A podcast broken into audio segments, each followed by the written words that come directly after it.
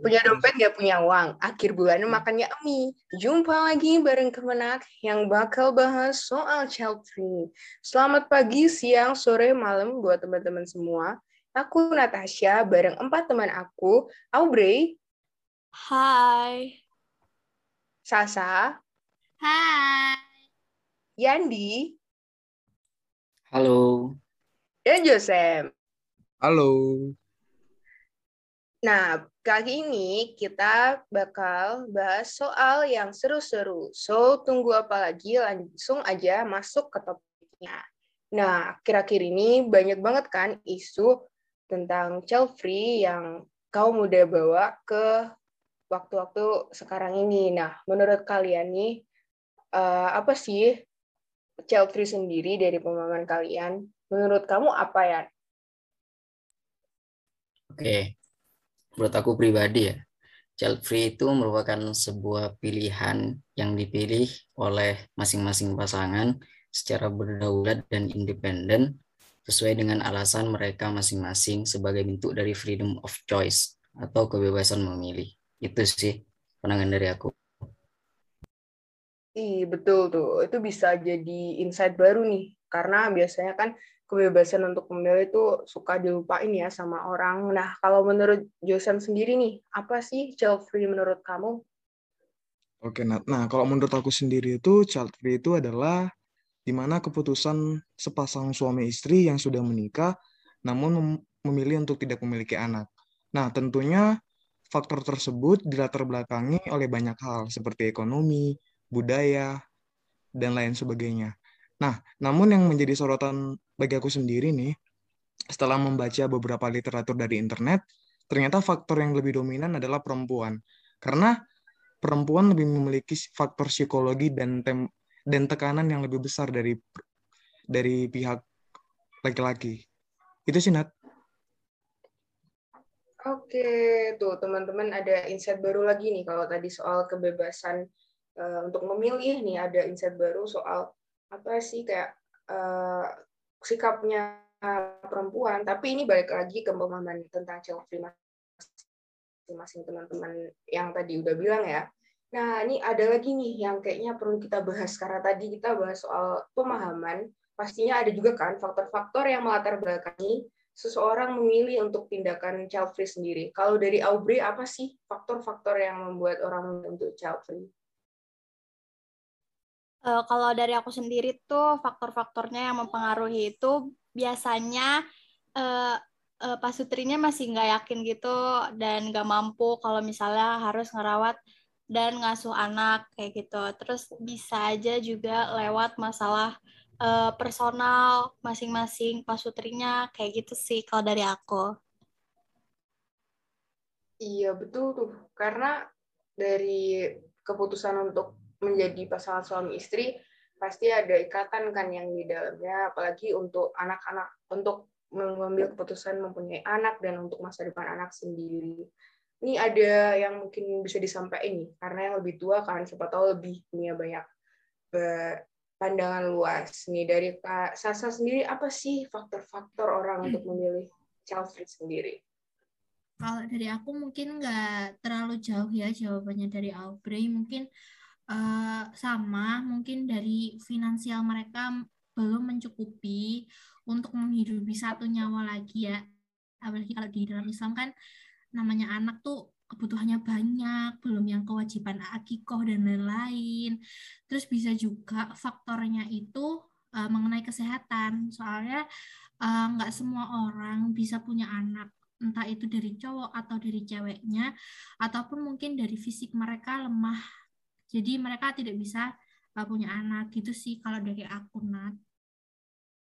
Oke, betul banget tuh. Tadi ada insight baru lagi nih kalau tadi soal kesehatan, soal demokrasi berpendapat, soal sikap, perilaku. Ada lagi nih ada insight baru dari agama sendiri soal child free. Nah, ini ada nih yang termasuk kayaknya kita kita bahas, kita ulik. Nah, kira-kira nih dari uh, Yandi, menurut kamu apa sih inti child free ini termasuk yang tindakan egois ataukah tindakan yang kayak apa nih kalau menurut kamu? Oke, pertanyaannya menarik. Apakah child free ini termasuk ke dalam tindakan egois?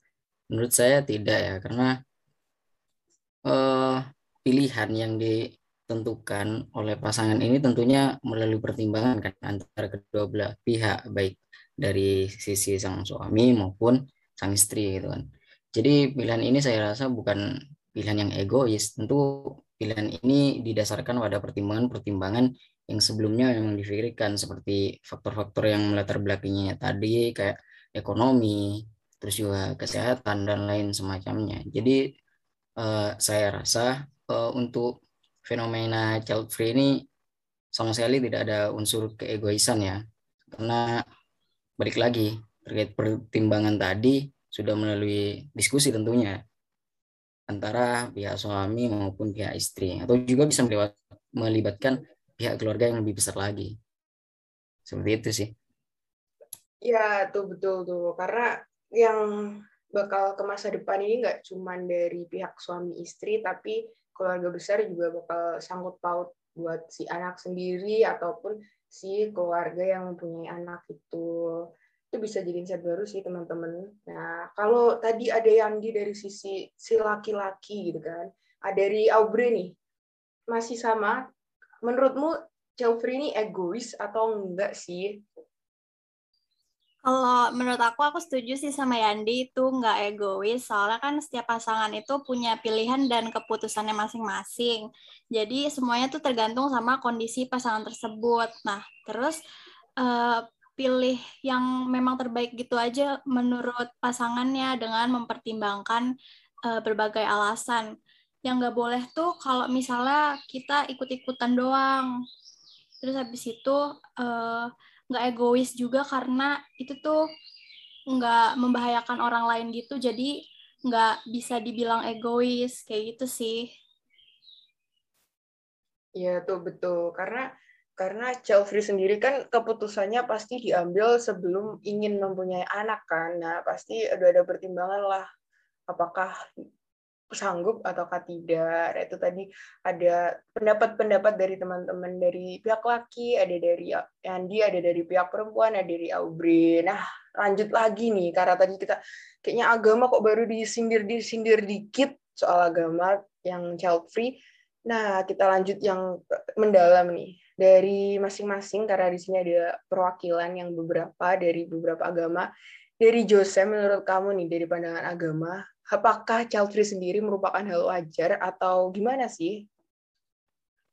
Oke, Nat. Uh, mungkin pertanyaan ini rada-rada membingungkan ya.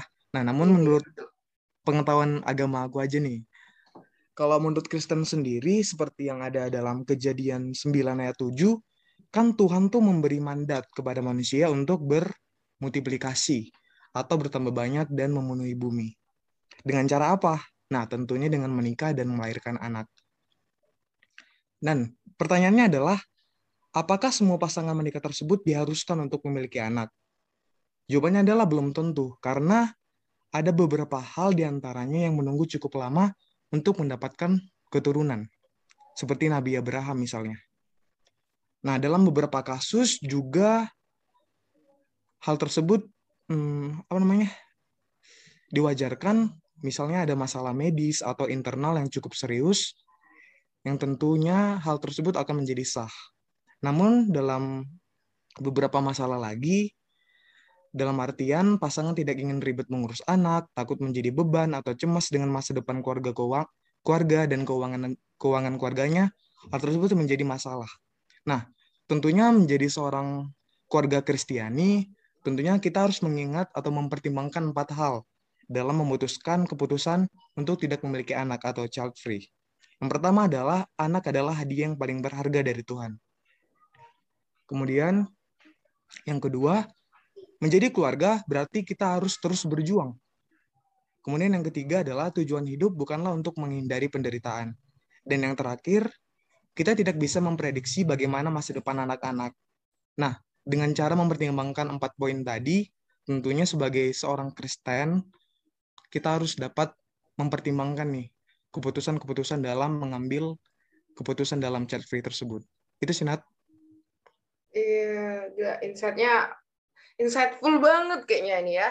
buat teman-teman ya yang dengerin post podcast malam, siang, sore ataupun kapan nih semoga bisa jadi insight baru ya karena generasi milenial kadang masih bingung soal insight-insight yang kayaknya kurang dipahami tapi juga susah untuk didengerin karena disampaikannya bukan dari kalangan milenial. Jadi teman-teman bisa ambil mungkin ini sebagai referensi. Nah, karena tadi udah ada dari sesi yang Kristen, ini ada dari perwakilan juga dari sesi yang selanjutnya. Boleh langsung Kak Sa. Oke, sebenarnya ini ini ya inti dari podcast kita yang keren sekali ini. Jadi uh, kemarin aku sempat nonton YouTube dari YouTube itu kontennya Ustadz Adi Hidayat. Uh, mereka membahas tentang child free menurut pandangan Islam. Ada poin penting yang aku catat kemarin itu uh, kayak gini ada uh, beberapa isyarat yang ditampilkan di kitab suci agama Islam yaitu Al-Qur'an. Yang pertama, uh, gimana sih usaha kita atau ikhtiar kita untuk menghasilkan keturunan? Itu tuh diambil dari kisah Nabi Zakaria. Jadi Nabi ini tuh udah tua banget tapi masih belum dikaruniai anak sampai uh, beliau itu uh, berdoa kepada Allah biar dikaruniai anak dan alhamdulillah diijabah gitu. Terus ada isyarat yang kedua itu gini bunyinya. Kehidupan kita itu tidak berhenti di dunia. Ada kehidupan setelah kita meninggal dunia. Dan tiap manusia itu kan uh, di kehidupan selanjutnya atau di akhirat itu membutuhkan bekal hidup. Nah, bekal hidup itu bisa kita dapat dari keturunan kita, yaitu anak, cucu, atau uh, keturunan lainnya kok bisa gitu? Iya, kalau di agama aku itu ada yang namanya amal jariah. Amal jariah itu amal yang pahalanya itu nggak akan putus sekalipun kita udah meninggal. Itu ada tiga poin, yaitu saat kita sedekah, saat kita memberikan kebaikan, dan terakhir itu anak soleh yang mendoakan dia. Jadi ini misal aku aku punya anak, misalnya anakku namanya siapa ya? Si A gitu ya. Aku itu aku kan udah meninggal ya berarti amalku tuh udah putus. Tapi ternyata amalku tuh masih bisa jalan masih bisa nambah pahala dari doa anakku itu buat aku gitu. Terus ada isyarat yang ketiga itu uh, tentang kebanggaan kita saat punya anak. Itu dibagi menjadi dua poin yaitu kebanggaan spiritual dan kebanggaan kontekstual Nah, untuk yang kebanggaan spiritual itu kayak kita nih, misal ngelihat anak udah mulai sholat, udah mulai ngaji, itu kan pasti uh, kita sebagai orang tua itu bisa melihat, wih, anakku udah bisa kayak gini, anakku udah bisa kayak gini. Jadi itu kayak sebuah kebanggaan gitu loh untuk orang tua. Yang poin kedua itu kontekstual, itu rasa bahagia dan puas melihat pencapaian anak kayak misal kita waktu wisuda SMA kemarin kan pasti orang tua kita ada ya. Terus kayak ngeliat kita bangga ya ampun ya Allah anakku akhirnya uh, udah gede udah lulus dan lain-lain. Terus ada poin yang terakhir itu uh, kalau di agama aku itu banyak rezeki orang tua yang dititipkan, yang dititipkan melalui anak. Jadi rezeki itu gak melulu dari orang tua, uh, rezeki itu juga bisa didapatkan dari anak. Misal, misal nih Nanat, Nanat ikut lomba-lomba, terus menang, dapat uang, itu kan juga rezeki orang tua juga kan. Nah, itu juga masuk ke konteks uh, banyak rezeki dari anak kayak gitu. Nah, kalau dari agama aku sendiri ini aku tambahin ya, mungkin agak panjang. Uh, child free ini sebenarnya menyalahi fitrah kehidupan berumah tangga walaupun nggak melanggar hukum-hukum positif kayak kriminal kan child free nggak masuk ke kriminal ya. Yang salah itu jika yang berkomitmen ini mengajak orang lain bergerak yang sama dan menggeneralisasikan child free sebagai gaya hidup masyarakat yang sesuai dengan zaman saat ini. Jadi kalau dari agama aku sendiri kayaknya itu uh, kita kontra ya untuk child free untuk uh, beberapa alasan. Kecuali alasan kesehatan atau finansial mungkin ya. Mungkin yang uh, finansial yang benar-benar masih belum siap atau memang dari kesehatan tidak memungkinkan it's okay. Cuman kalau untuk alasan yang terlalu egois kayak misal nggak mau ribet ngurus anak ah atau lagi pengen hidup berdua aja ah sama pasangan kayak gitu itu um, menyalahi fitrah aja sih Nat kalau dari Islam sendiri. Kayak gitu thank you.